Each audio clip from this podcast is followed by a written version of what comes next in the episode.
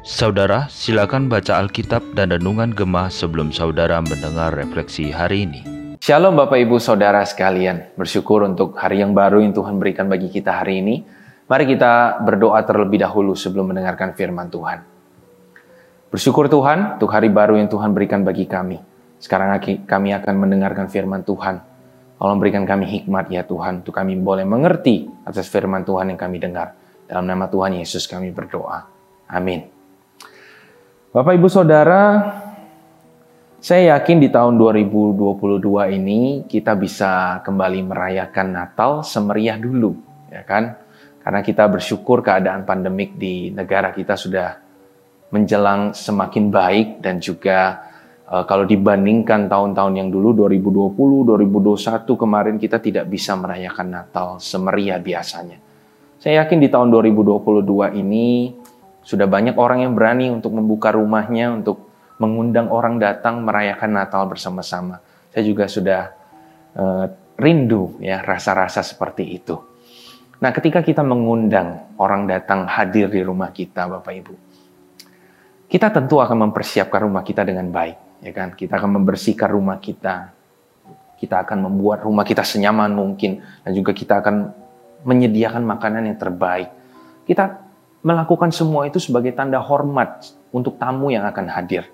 Semakin tamu itu terhormat, semakin tinggi juga persiapan yang kita lakukan. Betul? Nah, jadi saya tuh terpikir Bapak Ibu dengan hal ini ya. Itu manusia yang hadir. Kita juga sudah mempersiapkan sedemikian rupa. Bagaimana kalau kita mengundang Tuhan hadir? kita ini secara tidak sadar sering kali mengundang Tuhan hadir di dalam rumah kita, ya kan? Di dalam doa pribadi kita, kita ingin Tuhan itu hadir di tengah keluarga kita, membawa damai sejahtera, ya. Kita ingin Tuhan itu hadir di dalam usaha dan pekerjaan kita dan studi kita. Bahkan kita juga ingin Tuhan itu hadir bahkan tinggal di dalam hati kita. Itu kerinduan setiap kita, bukan? Tetapi saya izin bertanya, untuk Bapak Ibu Saudara dan untuk diri saya sendiri juga. Apakah kita siap menerima kehadiran Tuhan? Apakah rumah kita tanda kutip sudah cukup bersih untuk Tuhan itu boleh datang dan hadir? Apakah hati kita itu sudah cukup layak gitu untuk Tuhan itu bisa tinggal di dalam hati kita? Jangan sampai kita itu mengulangi kesalahan yang orang Israel dulu pernah lakukan dalam pembacaan kita hari ini, itu dari Zakaria 7 ayat sampai pasal 7 sampai 8. Bapak Ibu Saudara bisa baca secara penuh di rumah masing-masing ya, dari pasal 7 sampai pasal 8. Tetapi, tetapi saat ini saya hanya akan membacakan pasal 7 ayat 2 sampai 3 saja. Adapun penduduk Betel telah mengutus Sarezer dan Regemelek serta orang-orangnya untuk melunakkan hati Tuhan untuk menanyakan kepada para imam dari rumah Tuhan semesta alam dan kepada nabi.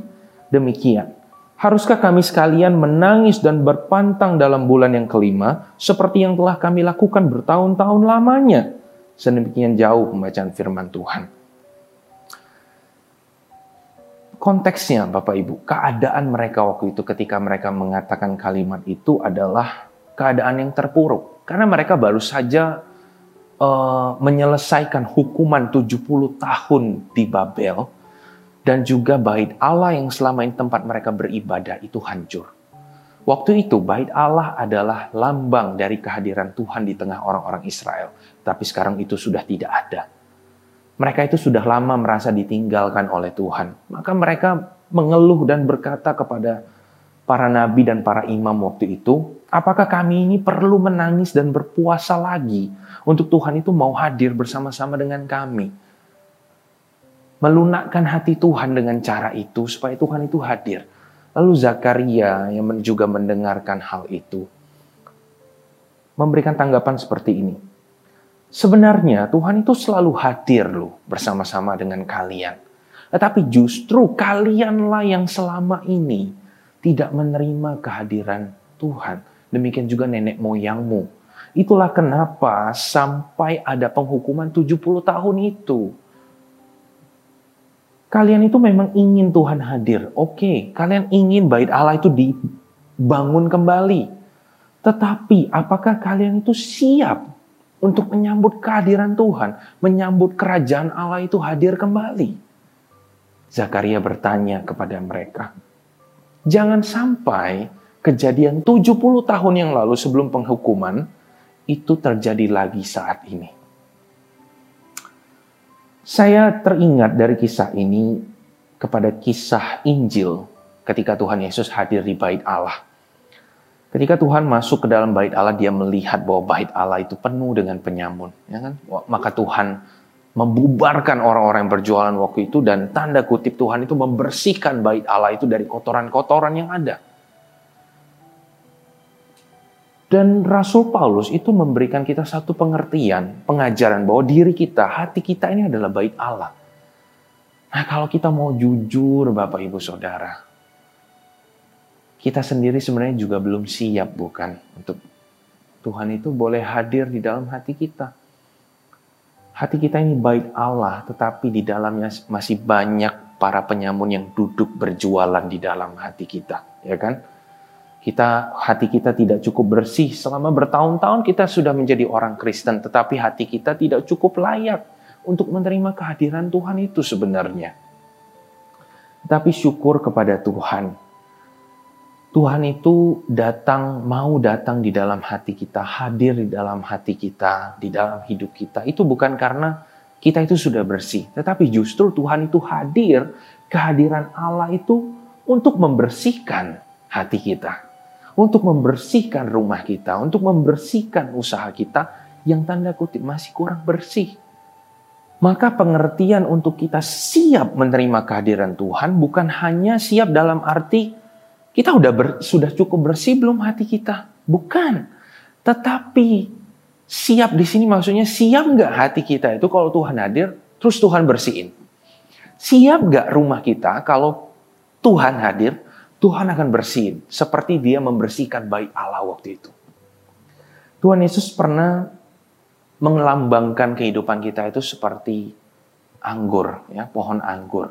Tuhan itu pokoknya dan kita ranting-rantingnya. Dan bagi orang-orang yang tidak berbuah, kata Tuhan, Tuhan akan bersihkan. Bersihkan di sini maksudnya dipotong loh Bapak Ibu. Jadi itu digundulin semua, semua ranting yang tidak menghasilkan buah, itu akan dipotong. Sakit, betul sakit ketika Tuhan bersihkan. Tidak nyaman, betul rasanya tidak nyaman. Tetapi ketika semua itu terjadi dan kita lewati bersama dengan Tuhan, Tuhan membersihkan hidup kita dari segala dosa yang mungkin selama ini masih kita pelihara. Nantinya kita akan menghasilkan buah. Pokok anggur, ranting-ranting anggur itu yang dipotong ketika mereka tumbuh, mereka itu akan menghasilkan buah, Bapak Ibu. Nah, maka sekarang pertanyaannya, siap nggak kita menerima kehadiran Tuhan? Siap nggak hati kita, rumah kita, keluarga kita, studi kita, usaha dan pekerjaan kita. Siap gak kalau Tuhan hadir? Tuhan bersihin yang selama ini masih kurang benar. Mari kita sama-sama berdoa, kita mohon pertolongan Tuhan. Bapak kami bersyukur untuk peringatan yang Tuhan berikan bagi kami pada hari ini. Sesungguhnya ketika kami mengundang Tuhan boleh hadir di dalam hidup kami. Seharusnya kami juga mempersiapkan diri kami untuk kehadiran Tuhan. Tetapi kami sadar Tuhan, hidup kami, hati kami, dan semua aspek di dalam hidup kami sebenarnya kurang layak untuk menerima kehadiran Tuhan. Tuhan terlalu terhormat untuk kami bisa undang datang. Tetapi kami bersyukur Tuhan masih mau hadir di dalam setiap kehidupan kami. Meskipun rumah kami masih banyak kotoran, hati kami masih banyak para penyamun yang bersangkar di sana. Tetapi Tuhan masih mau hadir dan membantu kami membersihkan semua itu. Tuhan, kami sungguh rindu Tuhan bisa membersihkan hati kami oleh kehadiran Tuhan. Kami sungguh rindu Tuhan membersihkan rumah kami, keluarga kami. Agar kami yang masih kurang berbuah ini, bahkan kami yang tidak berbuah di hadapan Tuhan ini, nantinya bisa berbuah, menghasilkan buah yang baik bagi Tuhan. Persiapkan hati kami Tuhan, jikalau memang Tuhan berkehendak membersihkan diri kami. Di dalam nama Tuhan Yesus kami berdoa. Amin.